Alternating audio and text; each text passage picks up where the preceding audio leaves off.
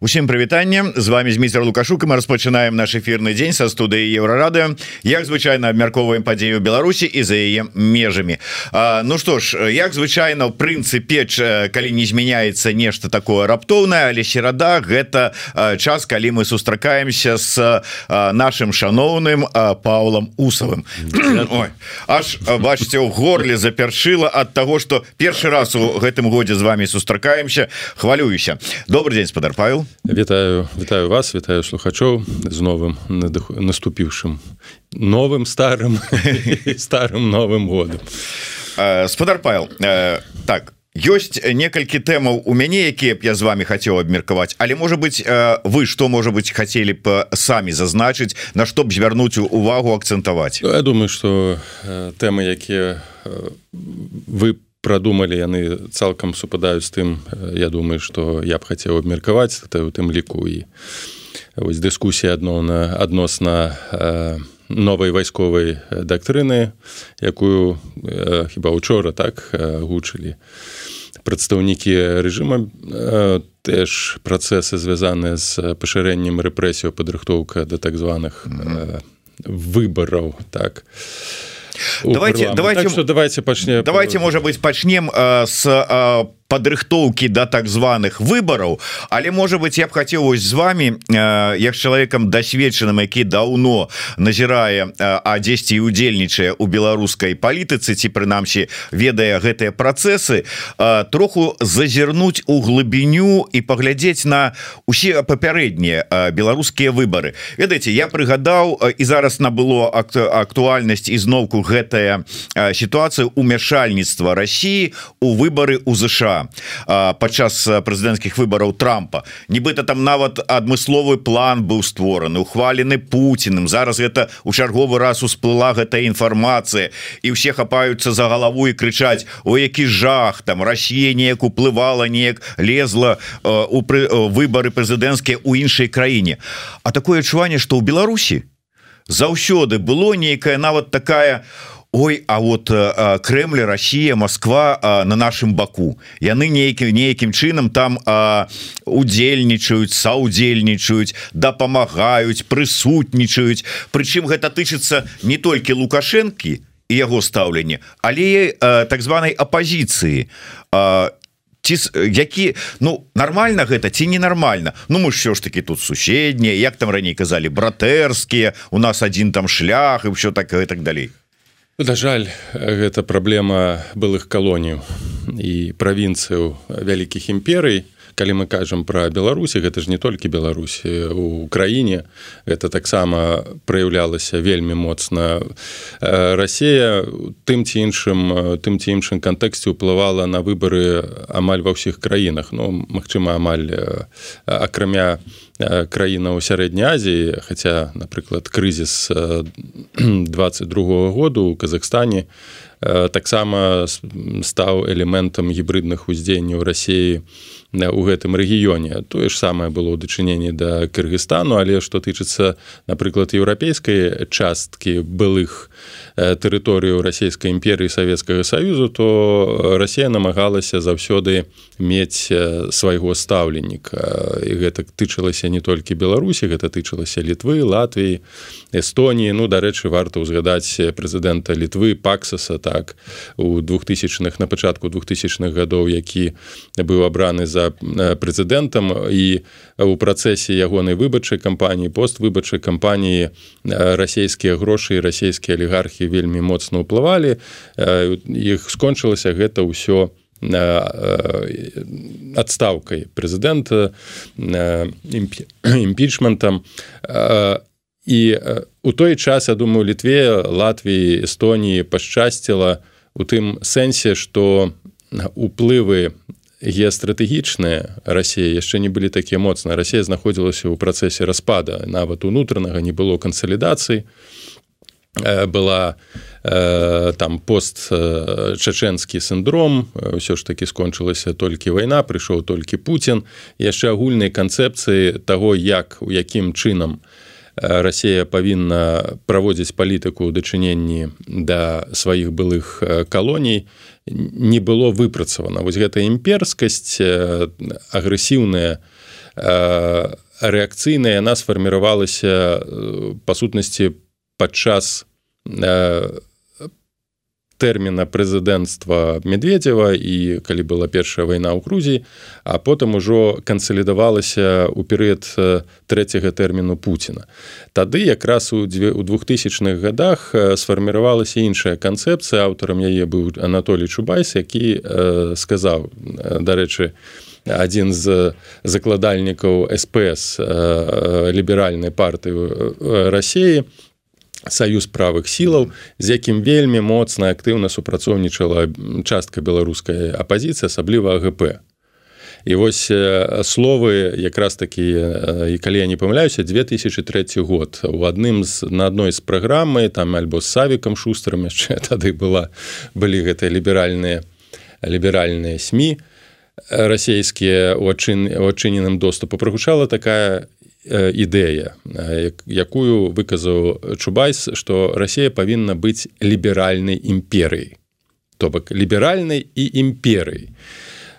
І вось гэты ліберальны імперыялізм ён павінен рэалізоўвацца праз эканамічныя чыннікі і праз эканамічныя ўплывы перш за ўсё праз выкарыстанне энергетычных ресурсаў газ нафта электраэнергія гэта павінна стаць зброяй па зменаў па зменах рэжымаў па дэмакратызацыі умоўны бо тады Росія лічылася на пачатку двухтысячную крыніцай дэмакраты дэмакратычных уплываў і распаўсюджання дэмакраты у тым ліку так яна ўспрымалася на захадзе.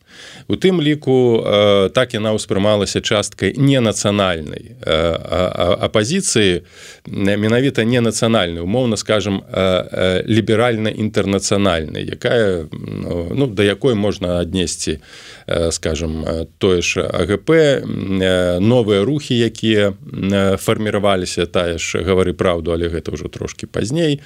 Новыя палітычныя фігуры якія ўзнікалі падчас электаральных кампаній той же Александр казулін у 2006 годзе які ездзіў у Москву намагаючыся атрымаць ярлык на як бы гэта не гучала нягледзячы да таго што і адседзеў Александр казуліна мяць амаль 5 год пасля выбару 2006 году. Але ўсё гэта выглядала так як бы беларускія палітыкі ездзілі у Маскву і прасілі намашчэнне на на прэзідэнцтва да і раней калі ўзгадаць той же самы ганчарык так, сваім на...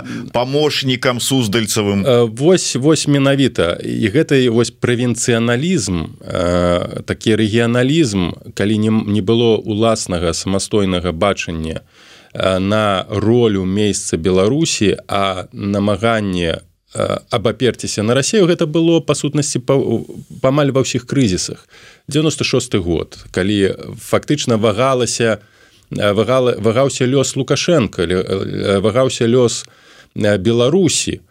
І замест таго каб абаперціся на ўнутраныя палітычныя сілы на беларускае грамадства то вось тая частка номенклатуры палітычнай якая ў той час кантралявала беларускі парламент. Да каго яна звярнулася? Она звярнулася і абапіралася на Маскву. Маскве у Маскве ў беларусі заўсёды свае інтарэсы. Ім ім усё роўна акрамя у пытання нацыянальнага. Ім усё роўна хто бы быў пры ўладзе. Галоўнае каб гэта былі прарасійскія сілы. Галоўнае каб яны забяспечвалі расійскія інтарэсы. Стратэгічныя эканамічныя адзінай сілай якая якраз таки ішла насуперак вось гэтай правінцыйнасці і насуперак арыентацыі на Маскву быў беларускі народны фронт. Ну і тыя структуры якія умоўна на стварыліся ў 90-х годах нават пасля расколу. Ніхто з тых палітычных сілаў якія фарміравалі сваю палітычную праграму на нацыянальных каштоўнасцяў сацыял-дэмакраты структуры беларускага народнага фронту нават меленкевич у 2006 годам годзе і рух за свабоду вось гэтыя нацыянальныя арыентаваныя э, структуры. Не будзем разважаць пра іх эфектыўнасць я кажу зараз пра бачанне беларусі пра нацыянальны падыход пра геапалітычны падыход яны заўсёды базаваліся на тым што Беларусь павінна адысці ад рассіі асабліва гэта вось канцэнтравалася ў праграме палітычнай беларускага народнага фронту той же самый проект балта-чарнаморскага саюзу разумення того что Расія заўсёды будзе ўмешвацца калі мы не адбудземся як самастойная незалежная геапалітычная адзінка ў эканамічным сэнсе у палітычным сэнсе і у культурным сэнсе ну на жаль гады русіфікацыі гады імперыялізацыі той імперскай палітыкі якую праводзіла праводзіла Росія ў Беларусі спрычынілася да таго што наш вораг гістарычны стаўся нашим братам то бок Росія адбіралася і разумелася выключна як крыніца дабрабыту эканамічнага палітычнага цывілізацыйнага ніяк крыніца знішчэння нацыянальнага А як тое што нам стварае умовы для добрага жыцця. Тое ж самае на жаль было і ў 2010 годзе таму у двадцатым прыбач таму Ну і ў десятым таксама. У десятым таксама. Таму тое што вы сказалі у гэтым няма ніякага сарказму і ніякага такого нічога смешнага няма.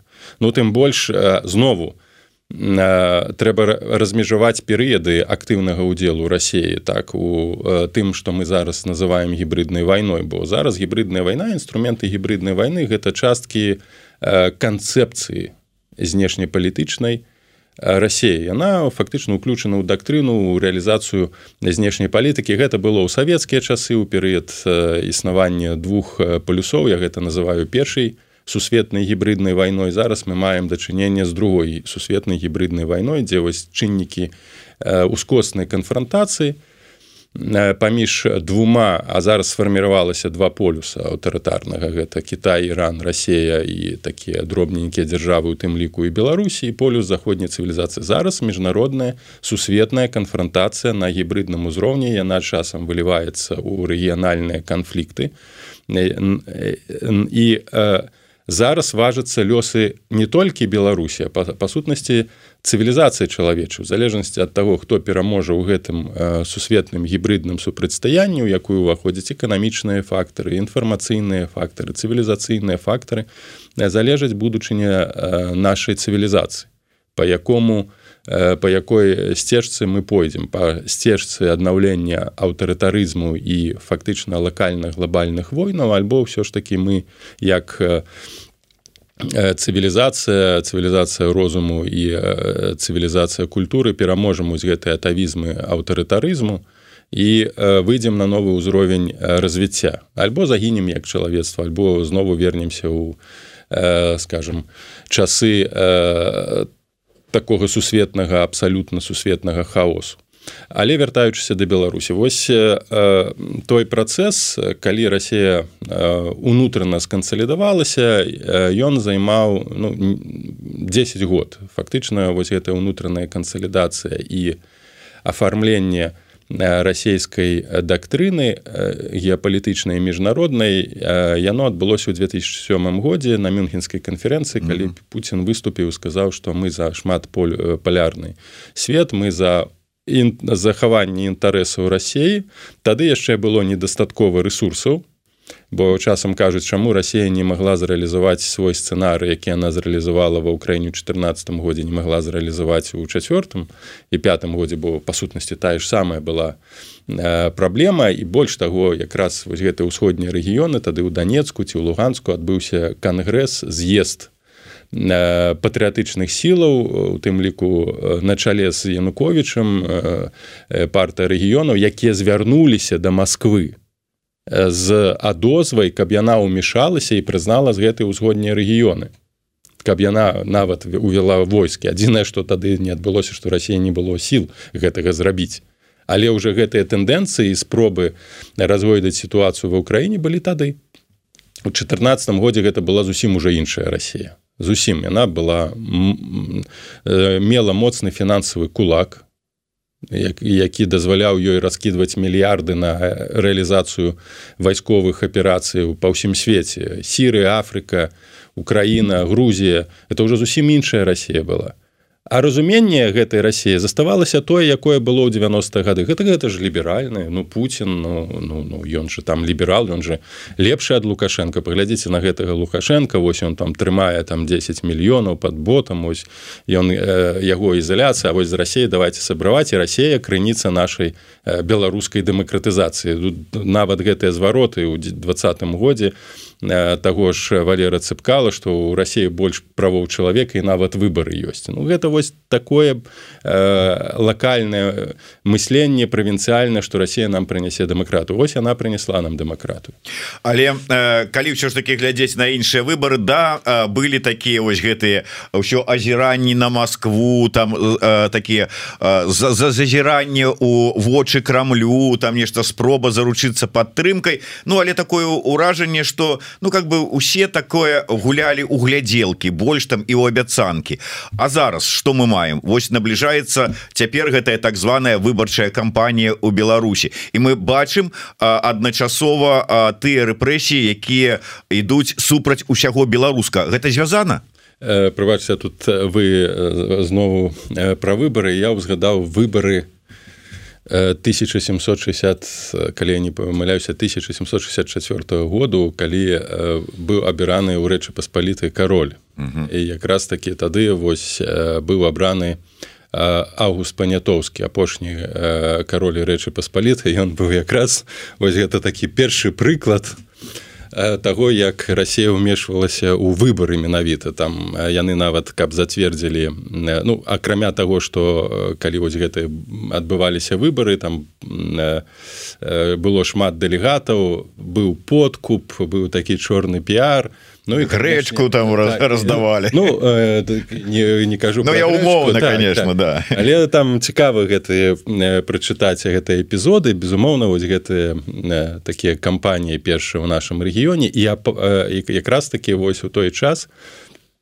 у межах супрацьстаяння паміж э, прусіі так вось гэтым блокам нямецкім аўстра-венгрыі і, і прусіі э, Аўстрыі яшчэ тады і рассеі быў вельмі моцны блок які падтрымліваў августа панітоўскага які арыентаваўся на рассею так і яны ўважалі што абапіраючыся на рассею і на кацярыну другую тым больш што прыватныя адносіны паміж августамі панятоўскім і кацярынай былі вельмі добрыя нават ёсць гістарычныя ну сведчанне што нібы была было супольнае дзіця з ім разам але памерла але тым не менш вось гэта эмацыянальная прывязка палітычныя спробы у гульні з рассей расійскай імперыі нейкім чынам здэмакратызаваць і правесці рэформы ну мы ведаем чым гэта скончылася так? Трымя падзеламі рэчы паспаліты і смерцю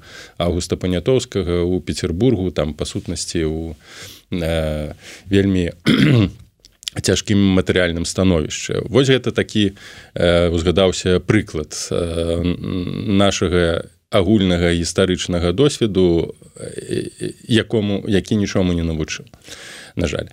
Але вяртаючыся до вашага пытання вось то тое что адбываецца зараз гэта канешне рэакцыя на крызіс два году з аднаго боку а з іншага боку гэта ўжо рэкаланізацыя беларусі. То бок гэты расійскі свет со сваімі со сваімі інструментамі інфармацыйнымі культурнымі палітычнымі і перш за ўсё тымі інструментамі якія чалавечымі ресурсамі інструментамі якія ёсць ужо ў сістэме там жа ў сістэме абсалютна прарасійскія прарасійскія фігуры яны намагаюцца цалкам знішчыць ужо фактычна знішчылі нацыянальныя інстытуты ці інстытуты нацыянальнай дзяржавы каб пакінуць Беларусь на ўзроўні ДНР лнр у сэнсе мыслення у сэнсе культурных арыентацый разуменне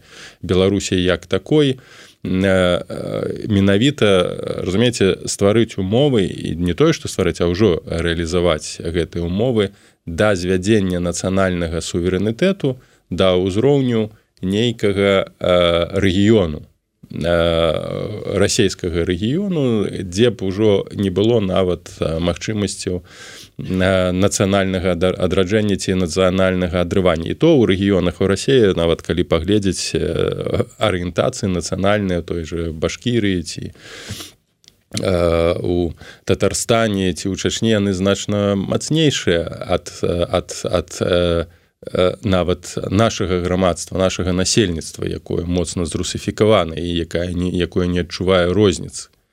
І э, калі трошки далей забегаць якраз такі праблема сёння для рассіі гэта вось такія моцна нацыянальна арыентаваныя рэгіёны. І пазбавіцца ад гэтых рэгіёнаў рассія будзе не ў стане ў гэты ўнутраны нацыяналізм.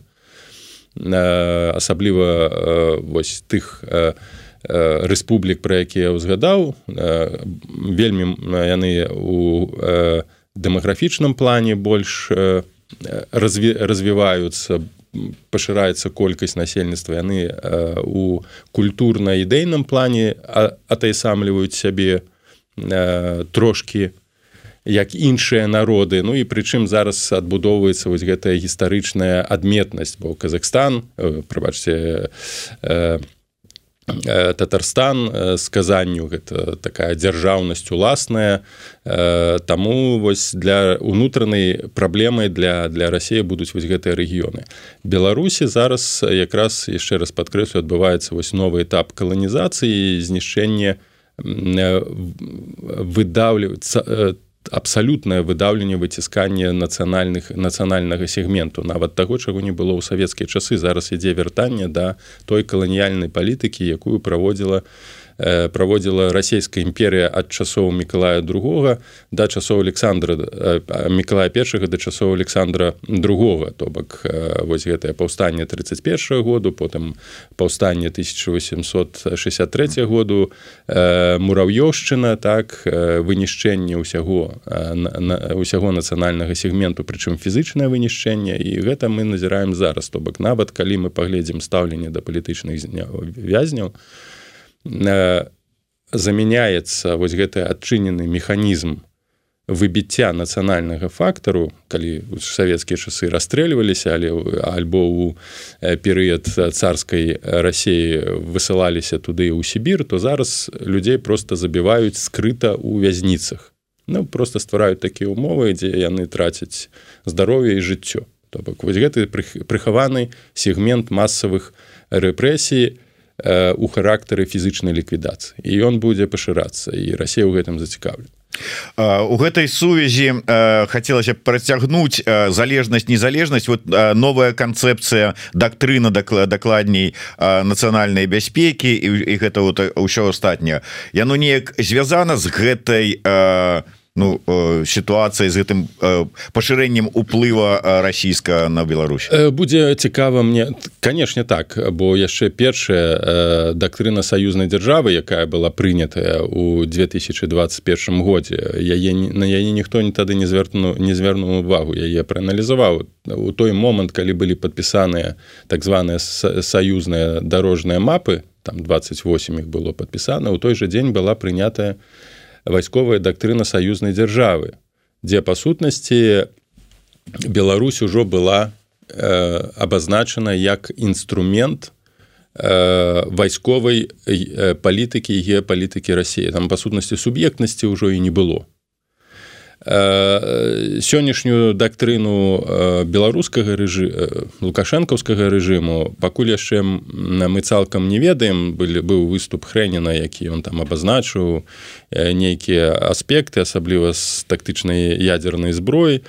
У гэтым кантэксце мне будзе цікава ці з'явіцца з'явіцца аспект звязаны з наяўнасцю ўнутраных ворагаў Вось калі там будуць э, акрэсленыя пагрозы крыніцы пагрозаў гэта нейкія структуры палітычныя культурныя якія знаходзяцца ўнутры беларусі то тады будзе ясна што гэта ўжо канцэптуальна прасоўванне інтарэсаў рассей бо ўвесь час там нават у часы адлігі вось тыя канцэпцыі абароны ці нацыянальнай бяспекі так званы яны заўсёды звярталі ўвагу на тое што вось захад там прасоўвае свае інтарэсы праз нейкія групы ўплыву.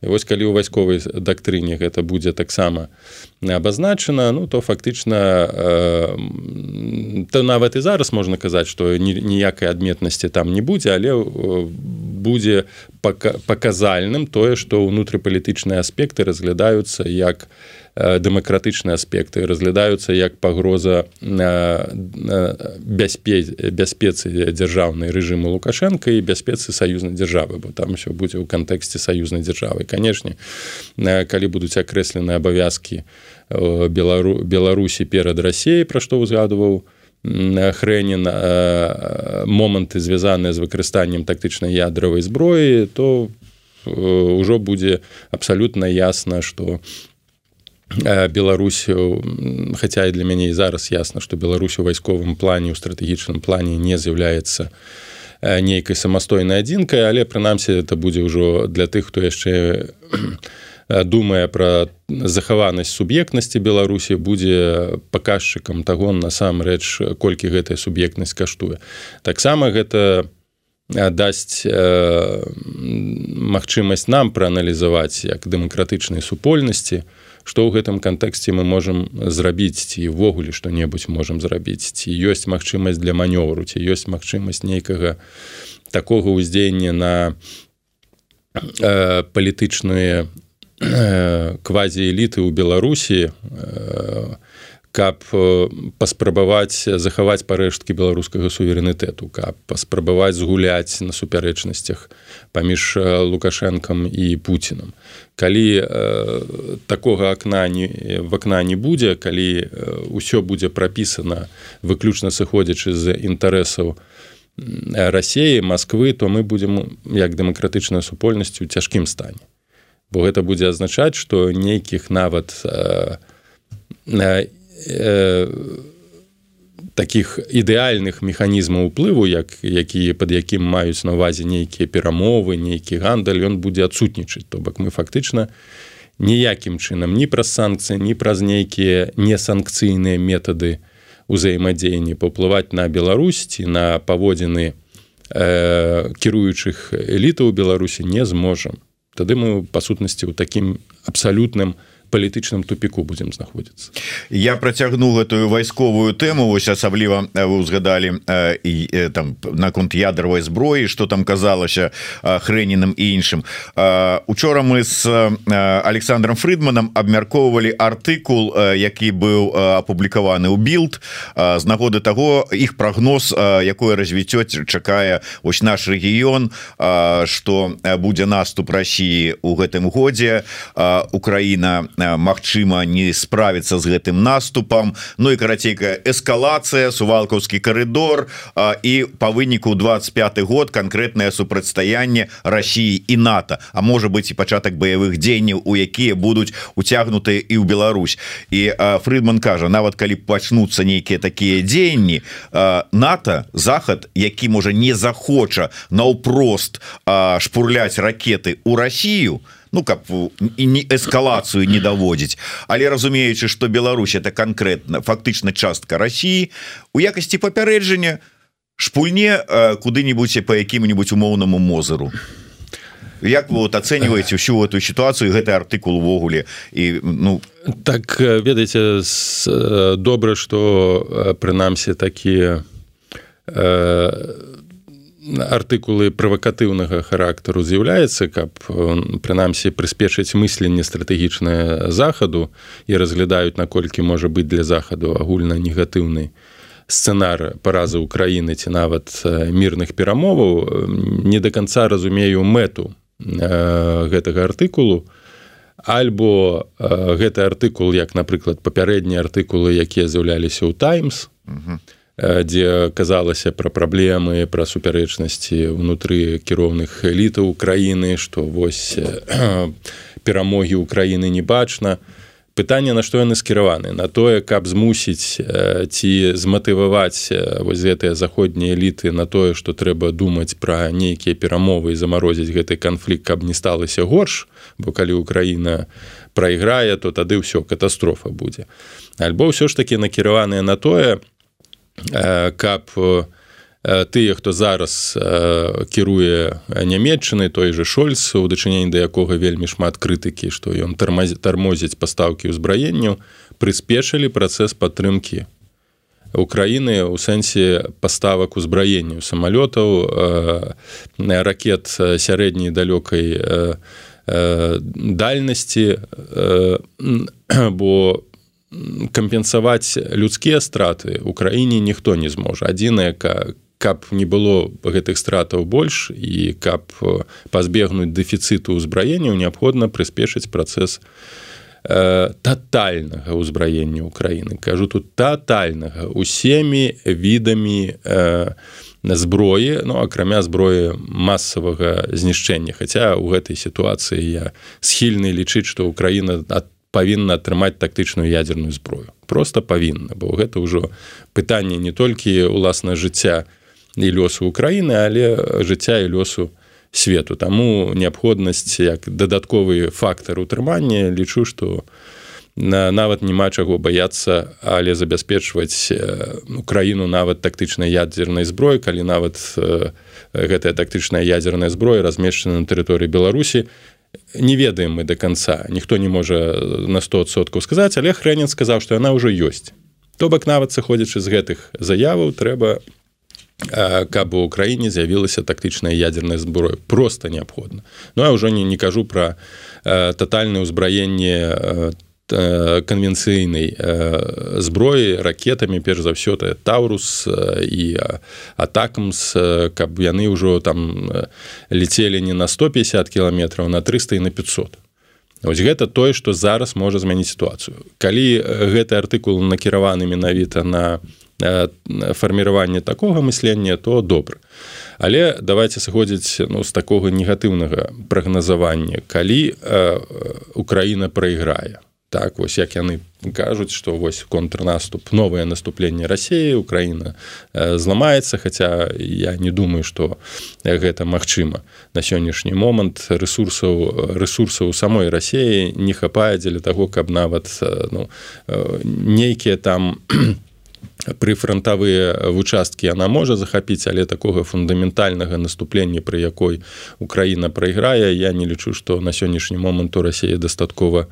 э, ресурсаў для рэалізацыі. Так для э, рэалізацыі праекта дзеяння звязанага з тым каб гэтая вайна цягнулася некалькі год у рассіі дастатковы ресурсаў гэтай пазіцыйную вайну. І тут у гэтай пазіцыйнай вайне Расія можа выйграць. Але у на, на такую перамогу моўна кажучы узяць Крым узяць Кіў Ну та, такога я не думаю што магчыма і нават вярнуць херсон і Расія ўжо не зможа. Але такая пазіцыйная барацьба і на вычырпанне і на змушэнне захад да да, да мірных перамоваў магчыма.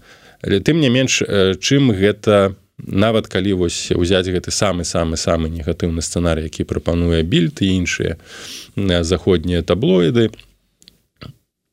не абавязкова адразу пачнецца вайна з захадам. Расія не патрэбна і вайну з захадам яна не выйграе. Але адбудзецца тотальная разбалансіроўка свету яна ўжо зараз адбываецца. Уявіце што адбудзецца калі Расія перамагае. Яна становіцца цэнтральнай сілай фарміруецца новы парадак геапалітычны парадак.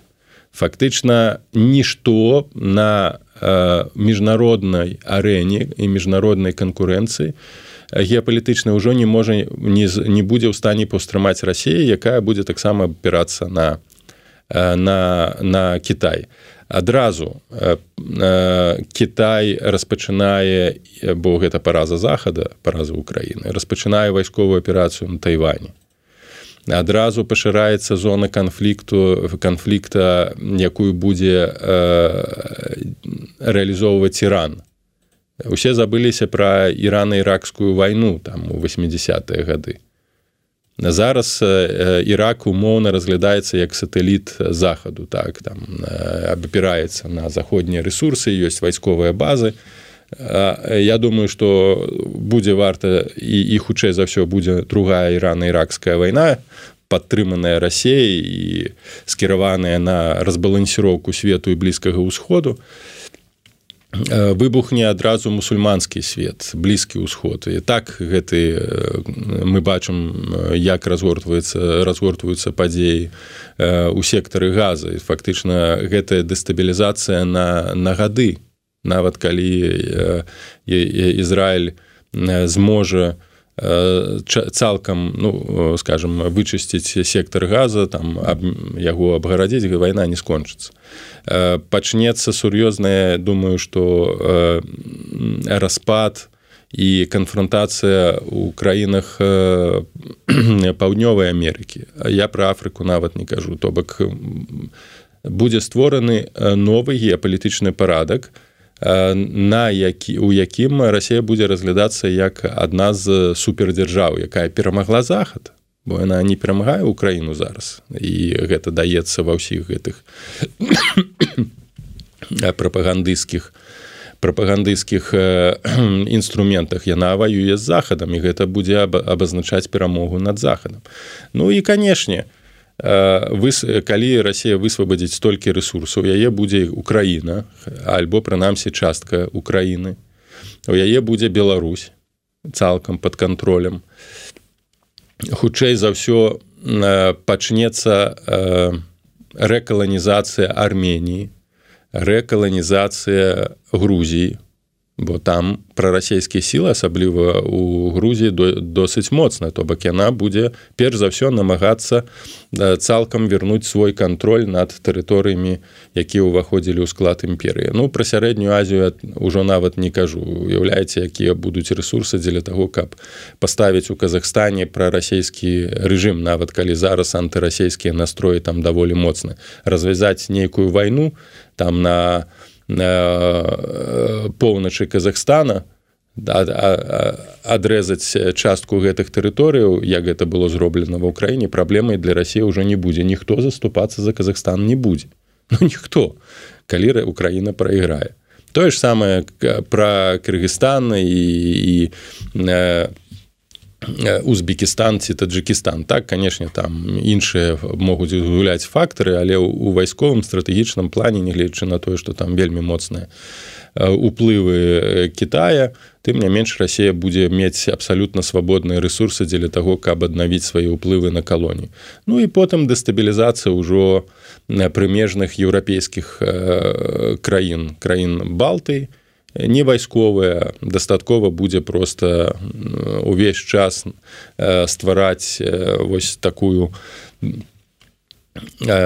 пагрозу псіхалагічную ціску дзе рабіць правакацыі на межах не забывайце што ёсць яшчэ і калінінград і хто тады будзе пытанне таго ж сувалкскага перашейку ніхто не будзе ніхто не здымае.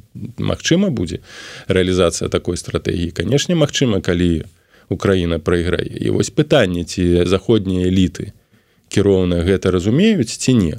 З таго што я бачу з таго што мы ўсе бачым з таго павольнай рэакцыі то такога разумення на жаль пакуль што няма ну там столтенберг больш радыкальна больш э, голасна выказваецца на неабходнасць падтрымкі але ён нічога не вырашае. Вырашаюць краіны сябры нато бо гэта калегіяльны орган і злучаныя штаты Амерыкі. На жаль вось такога жорсткага падыходу на сённяшні дзень не сфарміравана. Э, на жаль сёння у нас троху карацейшы чым звычайны эфир будзе тому что э, павінны зараз прыйсці э, музыкі до нас у студыю. Ім трэба троху часу каб інструменты свае подладзіць і можна было заспяваць у прамым эфиры тому апошняе такое пытанне і каментар ад гледача под нікам беларускі свет які піша калі насельніцтва рб по ідэнтычнасці будзе беларускім а не постсавецкім тады яно зможа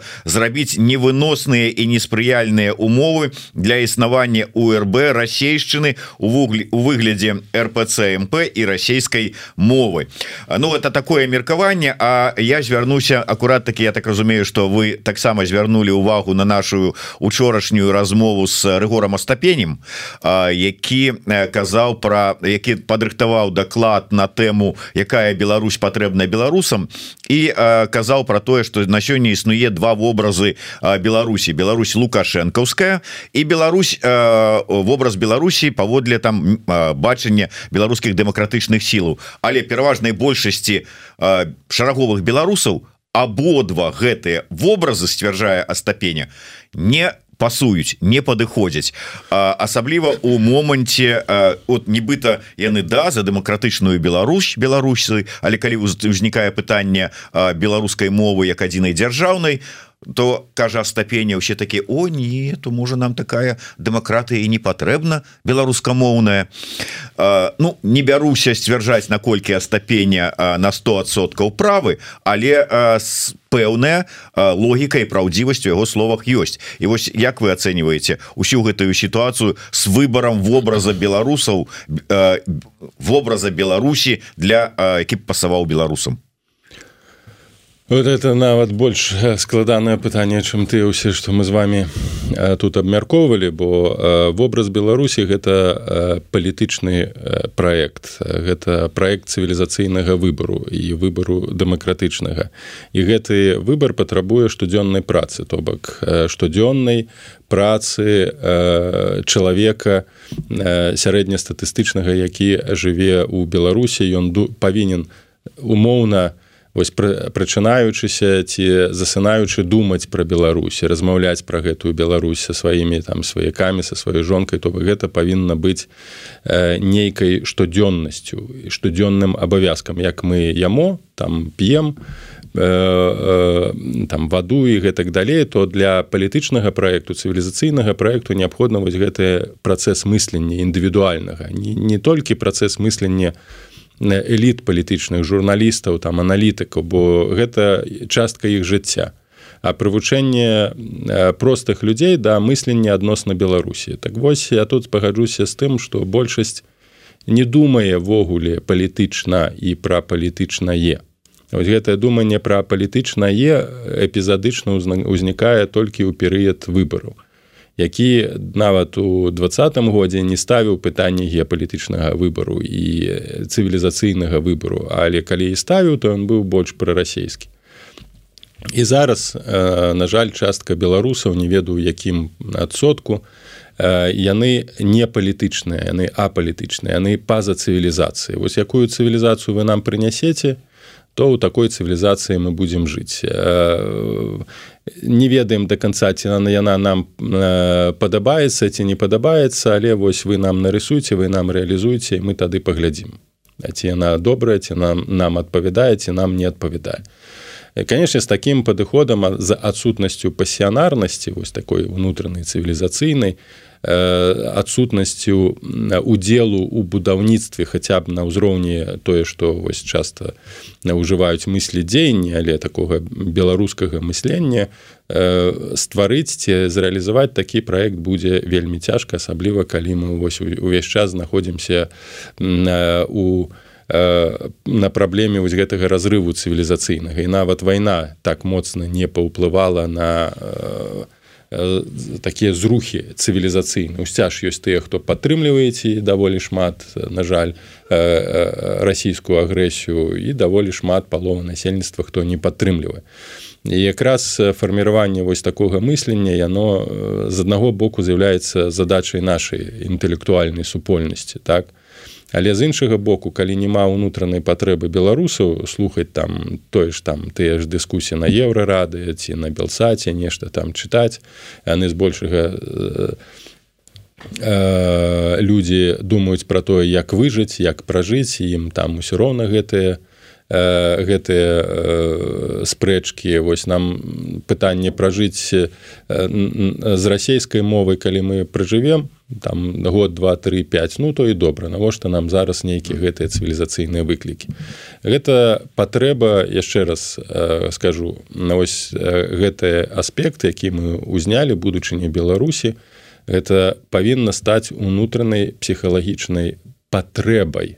Як патрэба у, у, у элементарных бытавых рэчаў. Ось калі цывілізацыйны выбор у культурны выбор проект будучыні станець э, штодзённай патрэбай і штодзённай неабходнасцю каб прынамсі думаць пра гэта і у галаве нават у спрэчках з калегамі паразмаўляць якая ж будучыня павінна быць беларусі нават калі гэта та другая лукашэнкаўская. то то прынамсі гэта ўжо э, э, стане элементам унутранай культуры і э, рухавіком вось гэтага мыслення. Ну мы павінны глядзець рэальна на рэчы.